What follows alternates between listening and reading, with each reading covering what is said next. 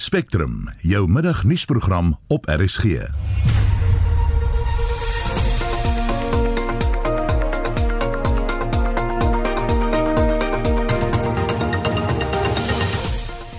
In die volgende uur die minister van gesondheid sê Gauteng gaan binnekort die episentrum van COVID-19 gevalle wees.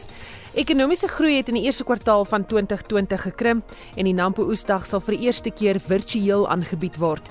Welkom by Spectrum, die span is redakteur John Estreisen, produksieregisseur Lewona Bekes en ek is Susan Paxton.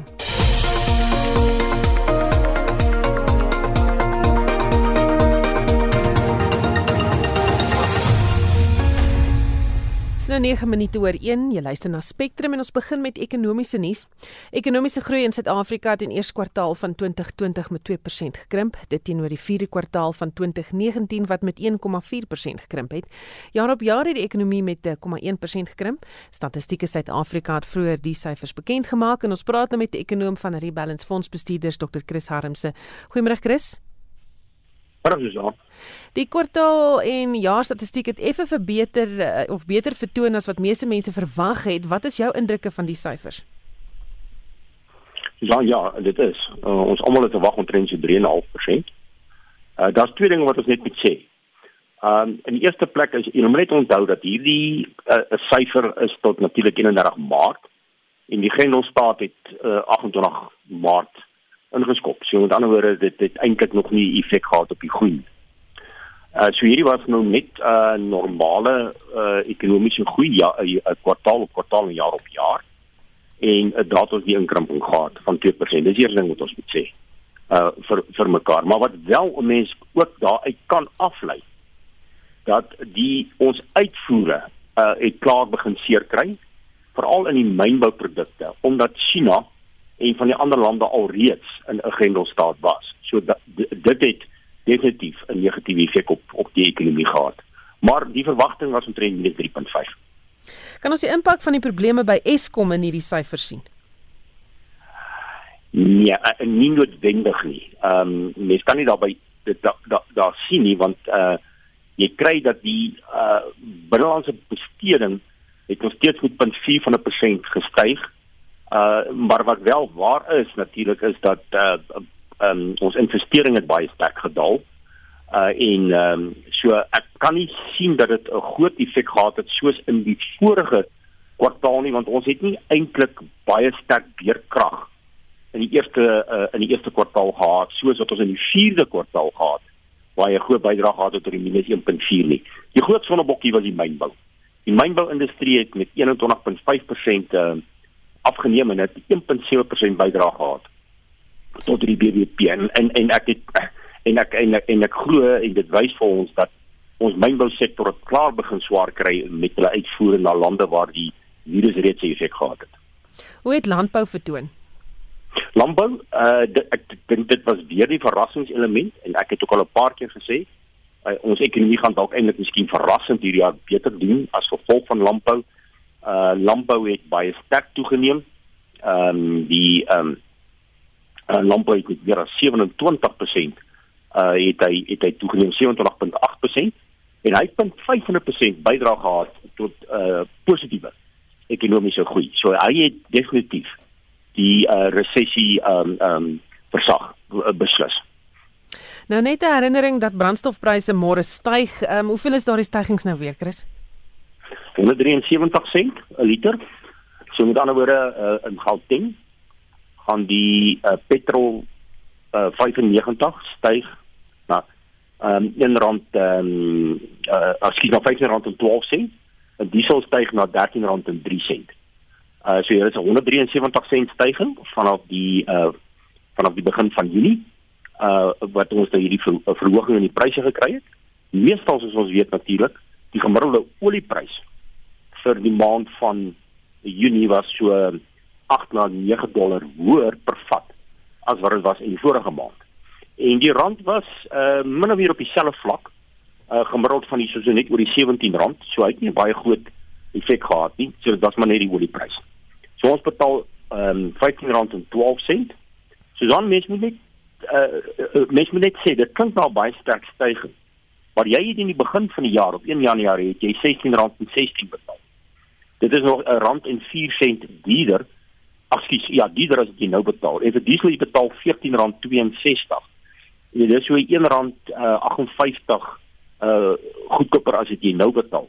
As ons hom vat terug op 'n jaar, vir die hele jaar het jy betaal vir brandstof R15.81 teenoor uh, nou se R15.12. So dis hoe 68 sent.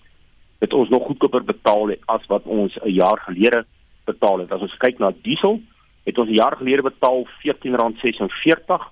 Dis alles hier in Gauteng, né? En vir uh diesel betaal ons nou R13.03.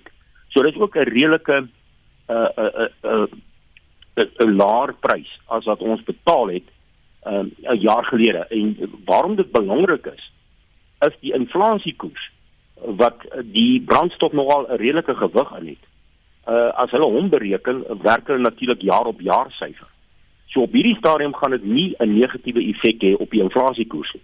Want die baie mense wat nou redeneer o, gonna, nou petrolpryse gestyg, inflasie gaan styg en nou gaan rentekoerse weer styg. Uh ons gaan dit nie nou kry nie. Uh dood eenvoudig om die jaar op jaar syfer inderdaad bydraag net dat die inflasie nog laer is. Wat ons wel kan waarsku dat as die oliepryse aanhou styg en die rand bly op sy vlak, gaan ons van weer die basis effek gaan ons natuurlik aan die begin van volgende jaar 'n baie sterk stygings begin kry jaar op jaar. Baie dankie, dit was Dr. Chris Harm se ekonom van Rebalance Fonds bestuurders. Die Sonderkommissie van Staatskaping ondersoek het vanoggend voortgegaan om getuienis aan te hoor oor beweerde korrupsie en wanadministrasie by die Passasiersspooragentskap. Die voormalige voorsitter van die Prasa Raad, Popo Molefe, het gister getuig oor hoe die administrasie van oud-president Jacob Zuma Prasa aan die steek gelaat het. Ons praat met ons verslaggewer Amina Akram. Good afternoon Amina. Good afternoon. What did Popo Molefe um, testify today? Well, Popo Molefe has continued his testimony from yesterday, and today he's been um, actually cross-examined regarding the managing director of Subamba Rail Leasing, which is alleged to have made uh, millions of payments to, to the ANC through various people, including somebody called Maria Gomez, who was the friends of the Jacob Zuma Foundation. So Suivambo received quite an amount of money, uh, totaling up to millions to, you know, through a contract that they had with SASA. And some of this money eventually found itself is alleged to have found itself to the ANC uh, party. And so um, the questions regarding how these payments were done, um, how did this end up uh, being done, those are the um, questions that Popo Molefe has been asked. However, he says he is not sure whether some of this money did end up um, into the ANC's organization. He did, however, mention that there was a meeting that happened at some time together with this particular managing director. So he's been he's still been probed regarding this particular issue and and how some of this um, irregular money that was paid to this particular company found its way to the ANC. Amina, any clarity on whether other witnesses will testify today? Yes, they will continue to to give more testimony regarding malice and maladministration and corruption regarding PRASA. PRASA, uh, you, you, can remember that PRASA was one of those state-owned entities that is uh, said to have been the enablers of state capture, was right at the center of state structure. So obviously, quite um, a couple of details is expected to come out in terms of how they, they, you know, they misuse the funds in this particular organization and how much money was siphoned off from PRASA to, to private individual pockets. So yes, we are expecting more testimony regarding PRASA this week. Baie dankie, dit was ons verslaggewer Amina Akram. Die minister van Gesondheid, Dr. Zweli Mkhize, sê hy is nie heeltemal verras met die skielike toename in aangemelde COVID-19 gevalle nie. Die voorspellings is dat Gauteng die Weskaap binnekort gaan verbysteek as die episentrum van die virus. Mkhize sê dit is nog binne in hulle voorspellings, maar dat hy die situasie fyn dophou. I think the surge is coming. We did indicate much earlier on in the epidemic that we expected the numbers will rise in winter months. We did indicate that some of the provinces, such as Gauteng, uh, we expected that the numbers would be much higher, and I am afraid that is now beginning to happen.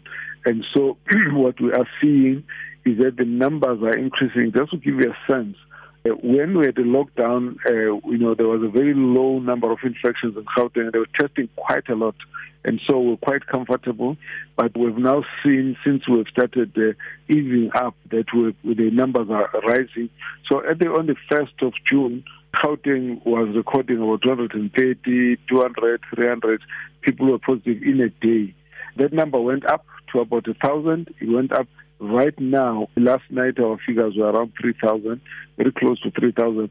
So in a month they've actually risen by 40,000. Mkhize sê sou dit nodig wees, kan daar weer 'n hoë vlak van inperking ingestel word in plekke waar daar probleme ontstaan as gevolg van die pandemie. I would expect that the various restrictions must be on a continuous consideration. There's not been any decision taken and certainly the National Command Council doesn't take lightly a decision of that nature. We've just emerged from a lockdown.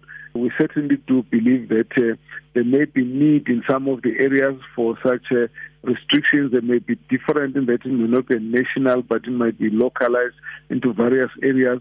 So no such a decision has been taken yet. Hy sê Gauteng het sy eie uitdagings wat die bestuur en beheer van die pandemie bemoeilik. One of the challenges with Gauteng is the fact that you know you've got different metropolitan areas which by demarcation sound like different areas but they are one ecosystem actually. So you will need to carefully analyze what impact you can make if you want to put Gauteng, let's say Johannesburg in a lockdown, when half the people actually work in Neguruleni and another half work in Swane. So how you manage that situation. But nevertheless, when such a decision gets taken, all of those issues would have to be taken into account. Sê Mkhize is hy bekommerd oor die situasie in die Oos-Kaap. Largely because it's a health system that's always had challenges. Certainly, the management needs a bit of strengthening, and certainly the uh, disparities in the health systems have always been part of uh, of our lives. And so we're concerned because of the proximity to the rising numbers in the Eastern Cape and the proximity and the migration between the two has moved the numbers up and we're now seeing a lot of clusters inside the Eastern Cape. Mkhize sê intussen hou hulle by hulle besluit om die skole te heropen ten spyte van die pandemie wat in die land uitgebreek het. People are saying why open with the schools? The question is we think we might be with this virus for the whole of the year and next year. So are we going to keep the schools open all that time? We need to find a way of adjusting to living in the situation where the virus is amongst us. And therefore, it's not in the hands of doctors. The doctors will help those who are already sick and infected. The large number of South Africans can prevent themselves getting infected or infecting others by taking the basic precaution of everybody wearing a mask.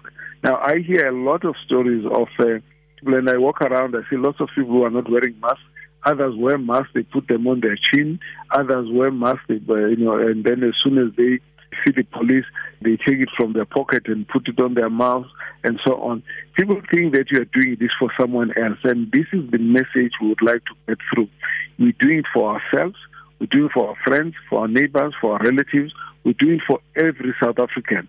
It's important for us to make sure that that message is always emphasized that it is no longer in the hands of nurses and doctors.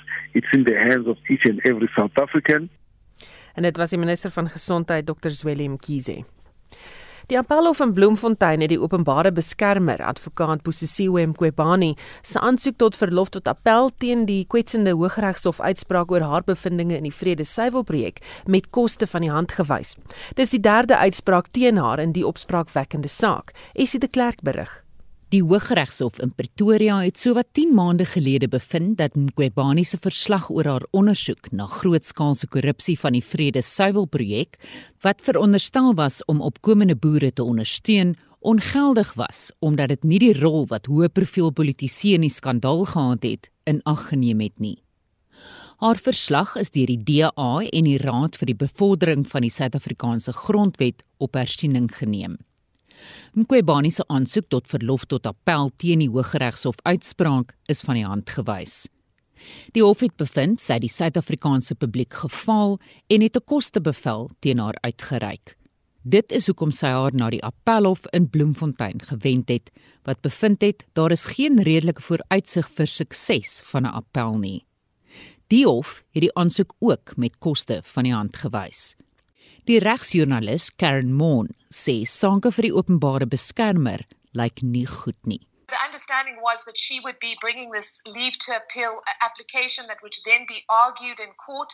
The SCA clearly looking at the court documents that had been filed by on behalf of the various parties in this case and issuing a one-page order essentially saying that this appeal has absolutely no reasonable prospects of success, dismissing it out of hand and dismissing it with costs, which effectively means that the 7.5% personal cost order that was granted against her by Judge Renault Tolme will stand. Of course, um, the public protector also currently in the process of trying to interdict Parliament from um, embarking on an inquiry into her fitness to hold office until she attacks or is given the opportunity to attack the rules that govern that inquiry process in court.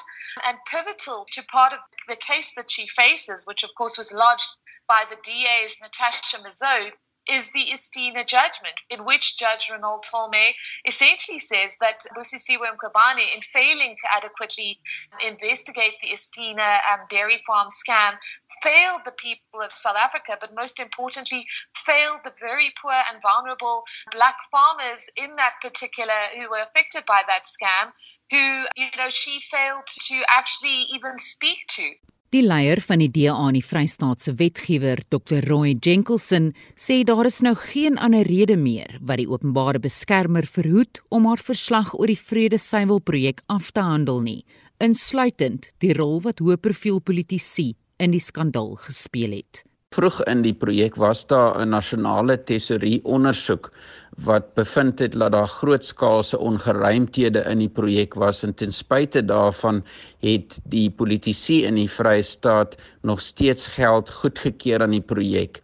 Nadat die kontrak tussen die Gupta gekoppelde maatskappy Estina wat die implementeringsagent was en 'n vennoot in die projek gekanselleer is, um, deur die provinsiale regering het hulle ten spyte daarvan nog 106 miljoen rand goedgekeur vir daai projek. Hy sê nog 'n belangrike aspek is dat die begunstigdes van die Vrede Suiwel projek, die opkomende boere, na 7 jaar steeds nie deel is van die projek nie. Dit is nie 'n regering se werk om koeie te melk nie, daar moet begunstigdes wees vir 'n projek en die projek het nie 'n bestaansreg sonder begunstigdes wat gaan baat uit die projek nie. En dit wys ook hoekom die regering se grondhervormingsinisiatiewe nie gewerk het nie. As gevolg van korrupsie, as gevolg van die feit dat hulle nie die regte begunstigdes of glad nie begunstigdes by die projekte het nie en deur soos um, Galema Motlanthe ook in die paneelondersoek na grondhervorming in Suid-Afrika gesê het dat daar ook grootskaalse kanalisering is van hulpbronne na elites toe. Die Vrede Suiwel projek is 'n voorbeeld van hoe grondhervorming en hoekom grondhervorming nie in Suid-Afrika gewerk het nie. Hy sê die DA sal die finale verslag fynkam om seker te maak al die omstrede aspekte van die projek is ondersoek. Ek is Estie de Klerk vir SAK nuus. Dit is noodsaaklik dat die regering wel die landbank finansiëel help. Dis die mening van Chris Potgieter, kliëntediensbestuurder by Old Mutual Wealth. Verlede week het die minister van Finansies in die hersiende begrotingsrede aangekondig dat die regering 3 miljard rand aan die landbank gaan gee om hom te herkapitaliseer. Die bank is in besit van 29% van Suid-Afrika se totale landbouskuld. Potgieter sê as die staatsinstelling gelikwideer word, sal dit 'n direkte impak op Suid-Afrikaners hê. Jy gaan baie mense seer maak pensioenfondse seker maak. Uh jy kan uh die wat belê in in uh dit rentedraende fondse, money market funds, uh fixed income funds en dis meer. Dit jy weet almal kan 'n pak slaap vat. Soos wat destyds gebeur het met African Bank. Ek glo nie ons is uh, ons het beter maak met African Bank. Die langtermynstelsel is baie belangrik vir Suid-Afrika. Die bank verskaf heidaglik om en by 27% van die skuld aan landbou in Suid-Afrika. Dit is beide gevestigde landbou, maar ook uh, belangrik uh, opkomende landbou. So ons praat van die kleiner uh, kleiner boere en as ons kyk na die uh, regering se uh, inisiatief in terme van om uh, jy weet klein boere te stimuleer en transformasie in lande te stimuleer as die landbank 'n uh, sleepel rolspeler maar selfs vir die kommersiële boere ek meen die landbank is die grootste finansier van kommersiële boerdery in die land en as ons kyk na voedselsekerheid dit sou die ander belangrike rede wees hoekom jy weet die regering as die groot as die aandeelhouer van die landbank uh, die nodige befondsing moet verskaf.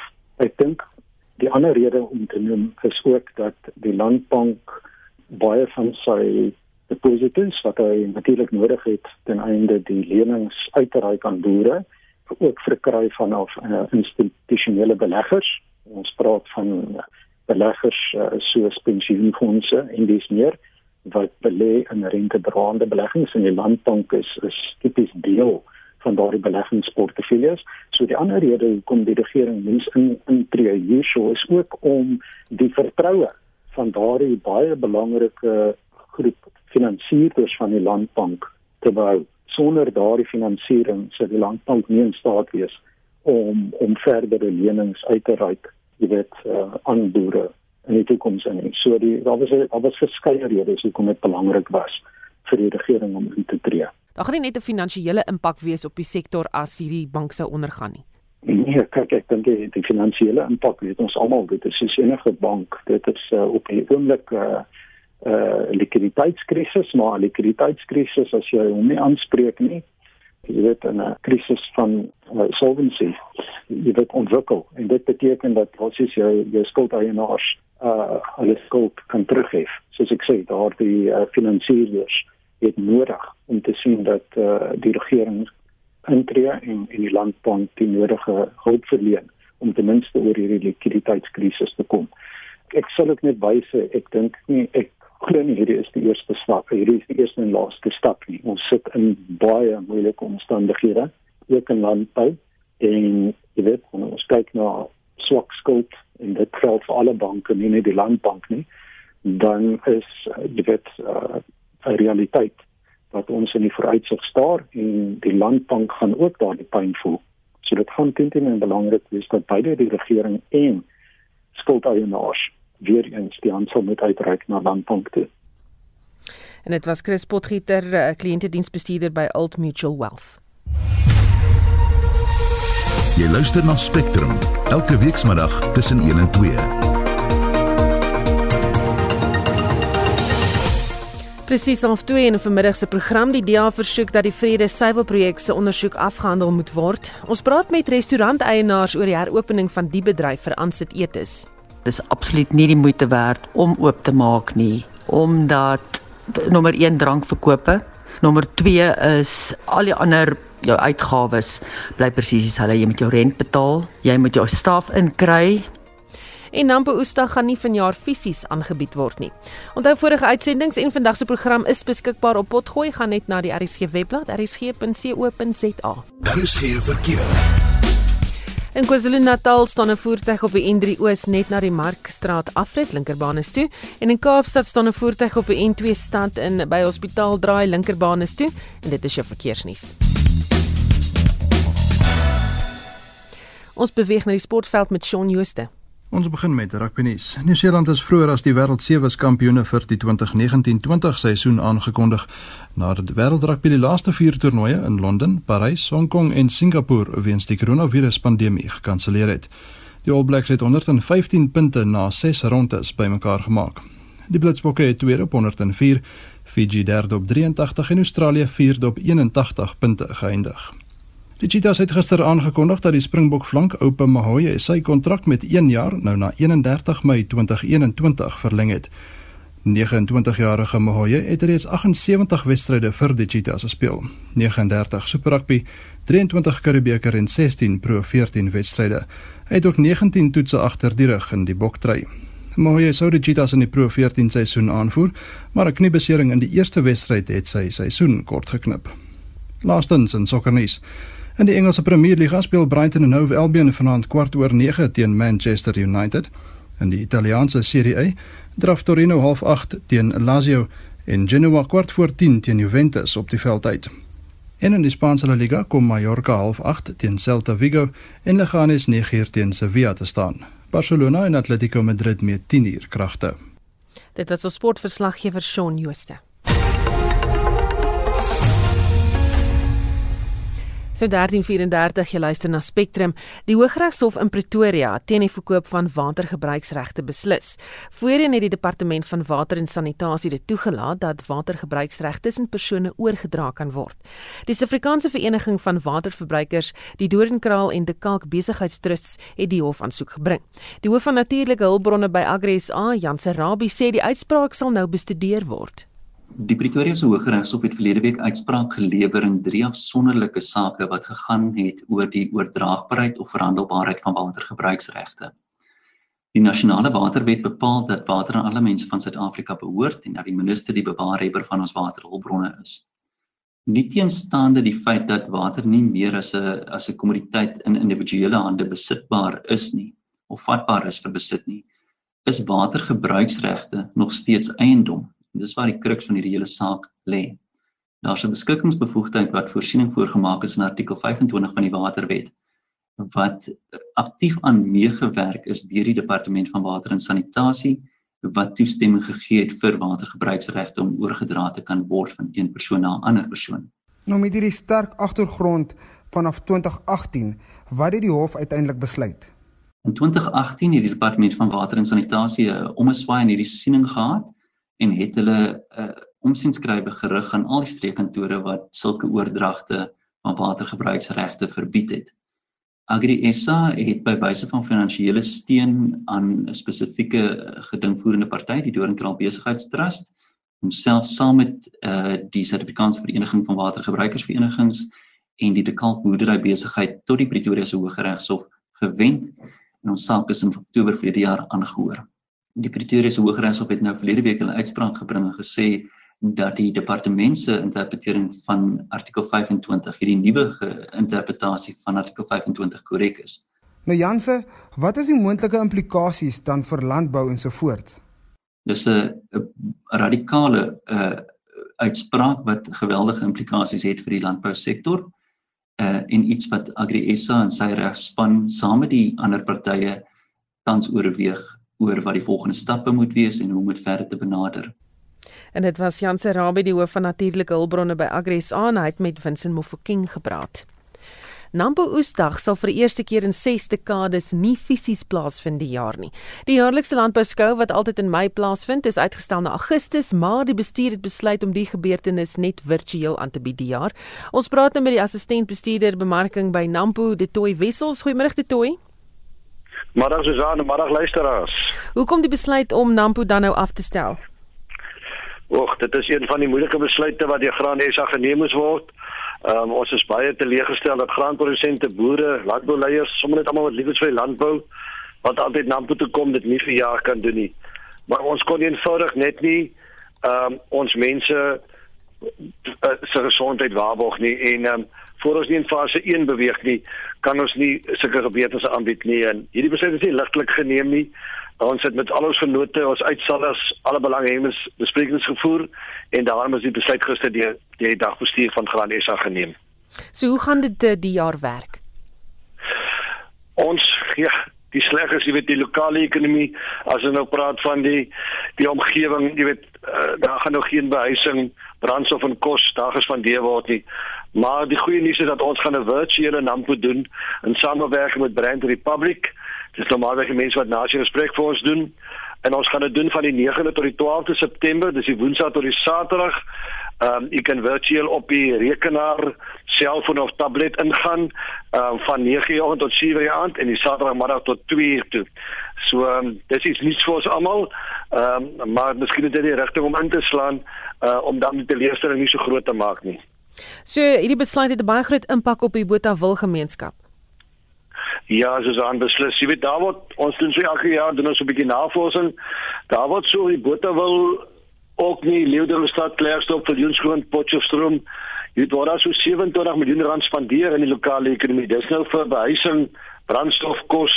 Ehm um, en jy weet dan praat ek nie eers van ons skole, kerke en boereverenigings want dis die mense wat ons kiosks vir ons doen by Nampo Park uh, wat nie vir jare aan gaan deel nie. Ja, dis 'n dis 'n enorme uh effek. Jy weet daar's baie mense in daai dorpe wat vir daardie week of twee hulle huise ver, verlaat na hulle kinders gaan in hulle huise verhuur. Ehm um, en dit gaan nou ongelukkig nie kan plaasvind vir jou nie. Gaan uh, dit altyd virtueel wees nou? Nee, nee, hierdie is 'n uh, is 'n is 'n netjie wat ons vir 2020 wil doen. Ehm um, ons gaan beslis alles fokus sit op op die virtueel nou, maar dan gaan ons ook ons fokus sit vir 2021 se Mei wanneer ons weer 'n uh, uh, volwaardige nampo wil aanbied. Ehm um, ja, en um, ons gaan miskien kyk hoe dit loop. Dan kan mens na na die week of twee na Mei se nampo 'n bietjie virtueel doen vir die mense wat nie kom bywoon nie. Maar nee, ons wil teruggaan na die fisiese nampo toe. Susan, ek kan jy wel loop aan 'n pannekoek en 'n saatie kry want ons gaan dit mis vir jou, nê. Nee. Ja, ons gaan verseker moet terug gaan net vir dit. So as jy nou nie groot is op uh, die landbou gedeelte en jy gaan net vir daai saaties en die vetkoek, ons gaan dit mis. Ja. Sjoe. Ja, beslis. Maar dis baie groot impak op die op plaaslike gemeenskap daar. Kom ons hoop dinge kan uh, redelik na normaal toe terugkeer vinnig dat hierdie dinge ook kan voortgaan. Baie dankie. Dit was die assistent bestuurbemarking by Nampo, die Toy Wessels. Restaurante kon gister na 3 maande van inperking weer hulle deure vir klante oopmaak, maar hulle doen dit onder streng voorwaardes van die regering en met 'n verbod op die verkoop van alkohol op hulle persele. Is dit geklerk het met 'n paar restauranteienaars gepraat? Vir maande lank het die restaurantvereniging van Suid-Afrika byna daagliks samesprekings met die regering gehad oor die impak wat die Grendelstaat op die industrie gehad het. Sowat 800 000 mense werk in die bedryf en 80% van die werknemers was die afgelope 3 maande werkloos. Restauranteienaars kon sedert gister hul deure vir die publiek oopmaak, maar onder streng voorwaardes. In Bloemfontein het Michiel en Jamandi Becker, beter bekend as die Lekker Bekkers, geen bekendstelling nodig nie. Saam met hulle sakevernoot, Petri Koortsen, bedryf hulle die Social Food Club.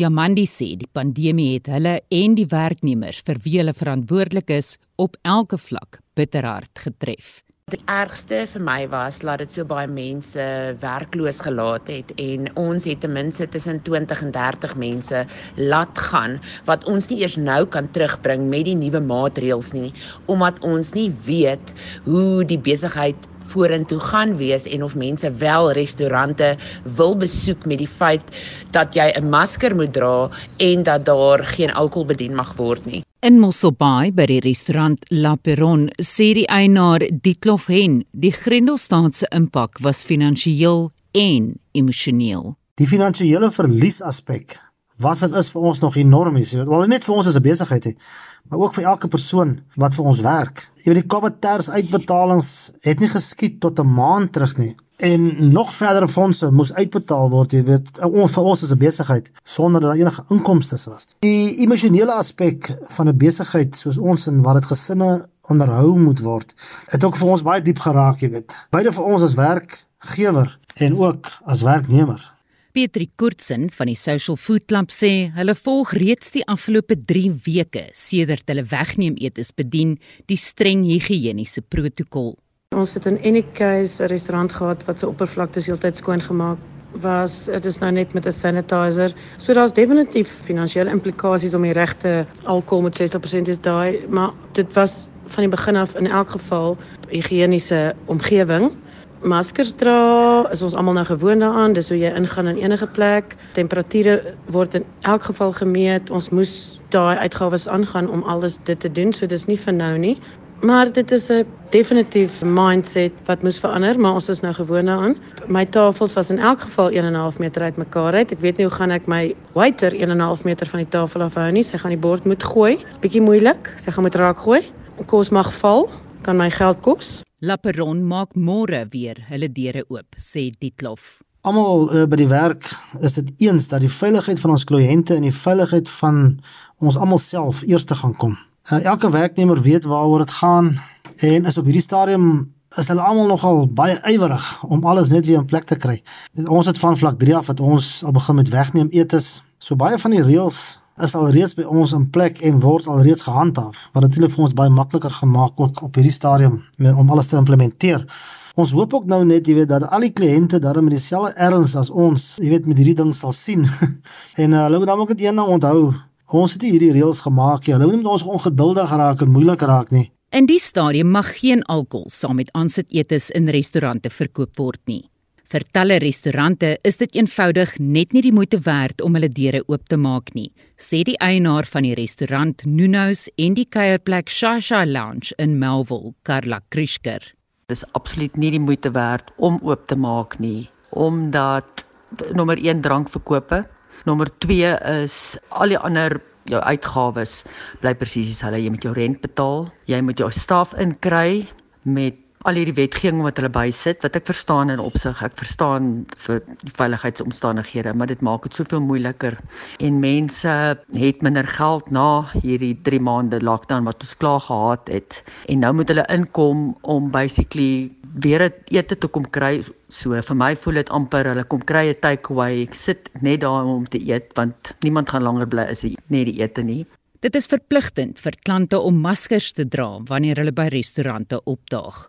Jy mag egter jou masker verwyder wanneer jy eet, wat natuurlik sal beteken dat daar op enige gegeewe tydstip mense rondom tafels in 'n restaurant gaan wees sonder maskers. Jamandi sê sy is 'n klein bietjie onseker oor hoe die maskerdraery in restaurante gaan afgaan. Om letterlik net jou masker af te haal terwyl jy 'n happie vat, Uh, dit sit my so 'n bietjie af van restaurante af, maar kom ons wag en kyk. Op die einde van die dag voel ek hoe vinniger ons almal die virus kry, hoe beter.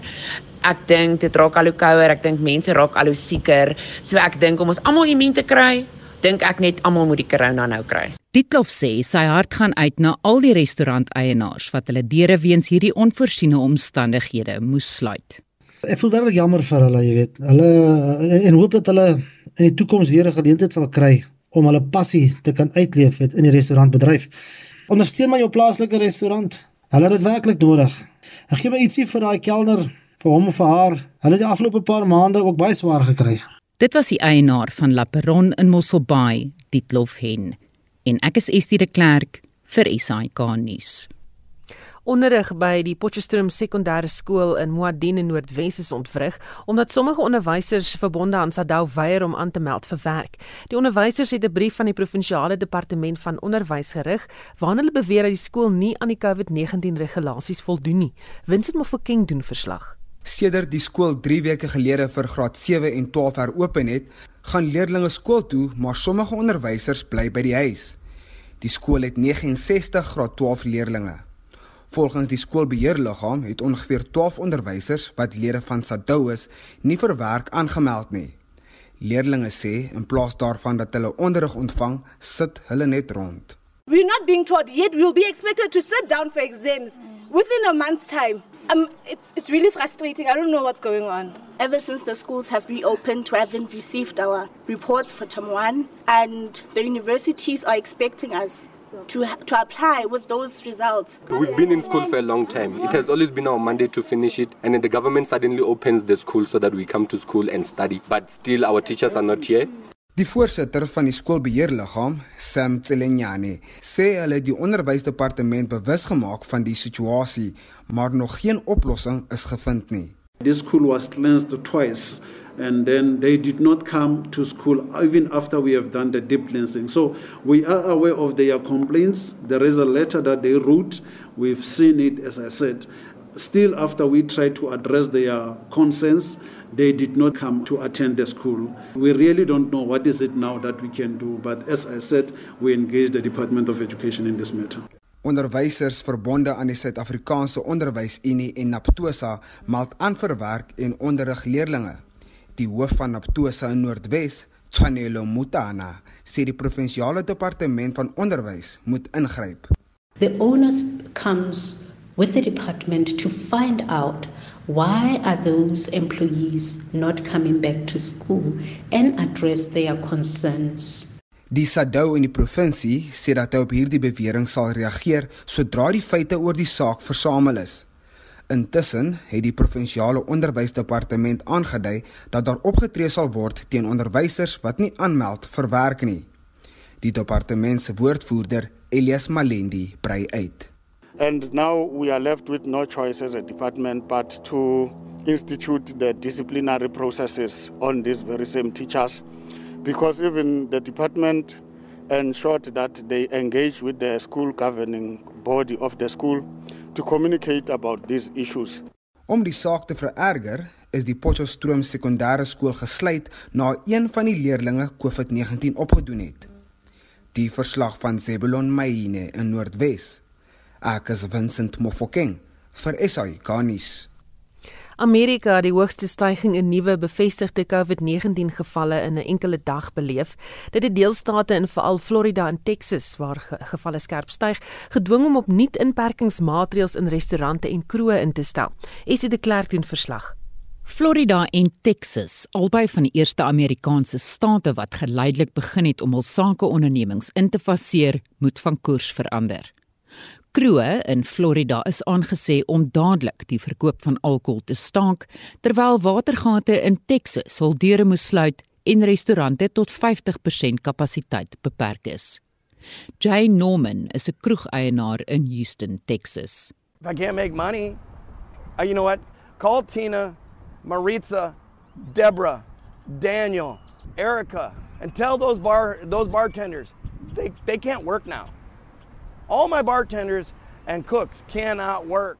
Matty Bullet is die eienaar van 'n kroeg in Orlando, Florida, en sê hy voel gefrustreerd. We're shut down. We don't have a kitchen. We don't serve food, so we can't operate. We did everything. We our staff were wearing masks. We had uh, sanitizing stations. We did weekly tests. We limited occupancy. We did everything that was asked. It's a tough conversation to have with everybody that uh, you know we won't be able to to provide them with with a place to work.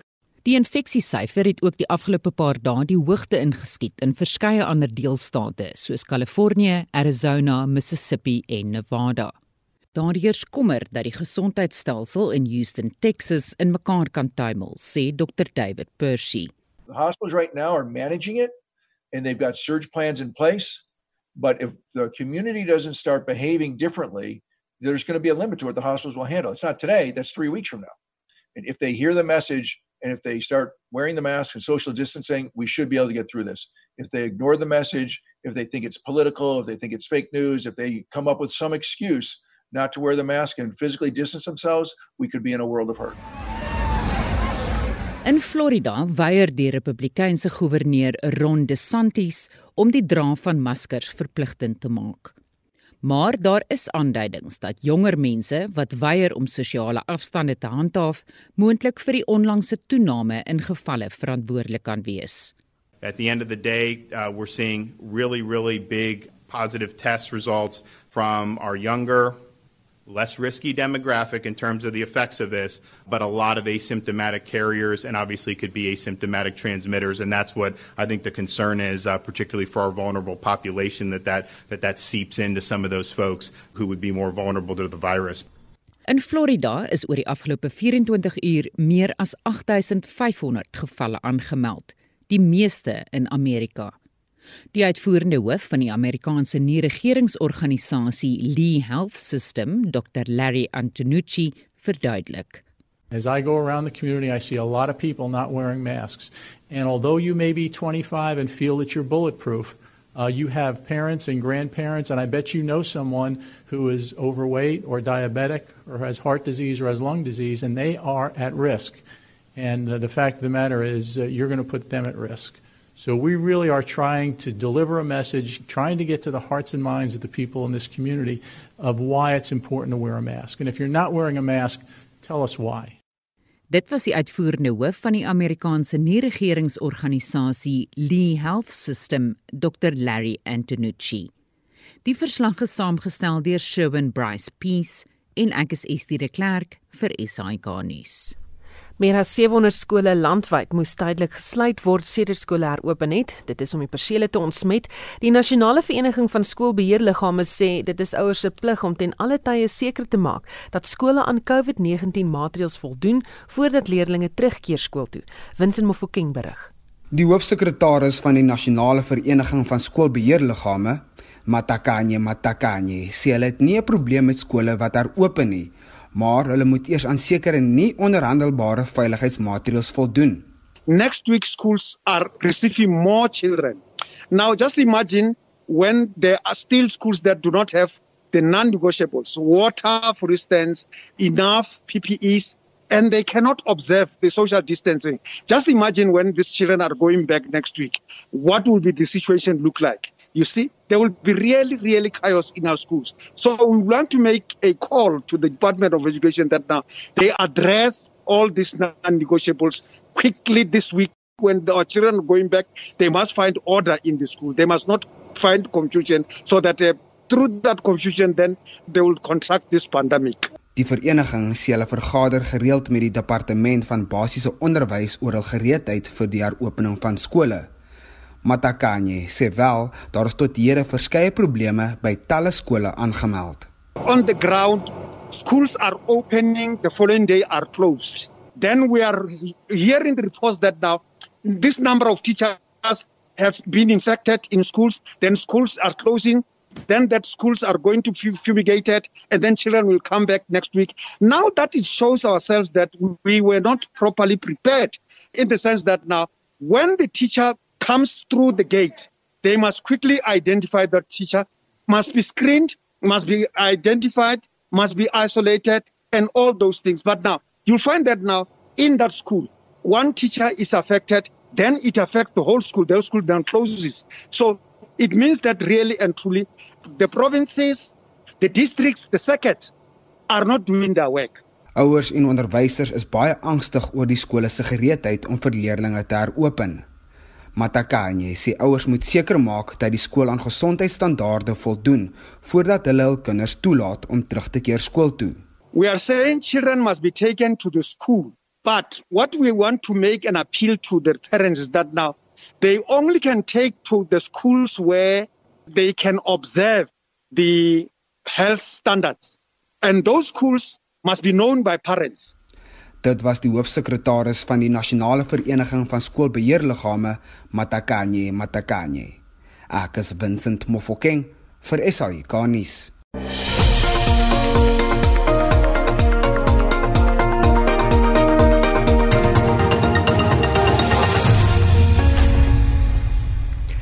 luister steeds na Spectrum. Die Wes-Kaapse Onderwysdepartement het met die Kailicha COVID-19 reaksiespan vergader. Die reaksiespan is spesifiek gestig om die COVID-19 pandemie in Kailicha te hanteer. Die provinsiale minister van onderwys, Debbie Schiefer, en die minister van onderwys, Angie Motshega, het die vergadering bygewoon. Die algemene gevoel onder die reaksiespan was dat kinders tans in die skool moet wees. Weer wins in Mofokeng. Volgens Schiefer het die ouers en die reaksiespanne 'n aantal bekommernisse gehad, insluitend kommunikasie-uitdagings en veiligheidsprotokolle wat nie eenvormig by skole geïmplementeer word nie. The response team reported that the overwhelming feeling amongst the parents and SGBs they had met with was that their children should be at school. They confirmed that they would not be disrupting schools and that the KDF and KEF had distanced themselves from Sanko's call to close schools. They had a number of concerns which they raised with us, including communication challenges and safety protocols not being uniformly implemented at schools. I have undertaken to raise these with the head of department and agreed that we would try to strengthen communication on various COVID 19 related matters. I look forward to our continued engagement on how we can implement every possible measure to keep children and staff safe at our schools.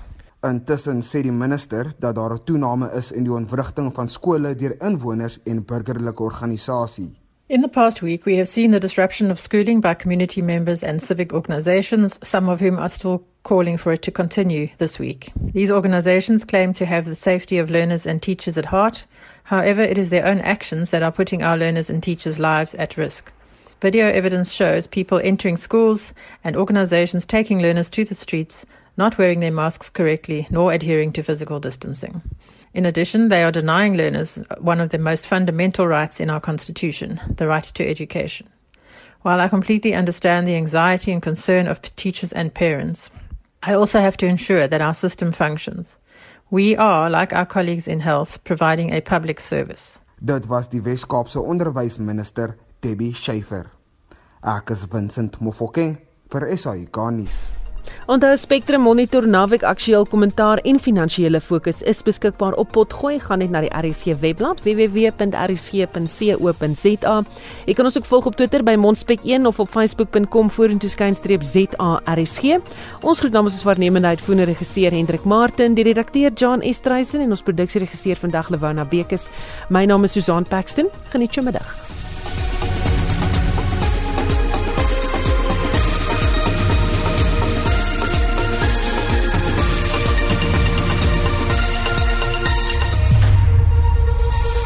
SAK nuus.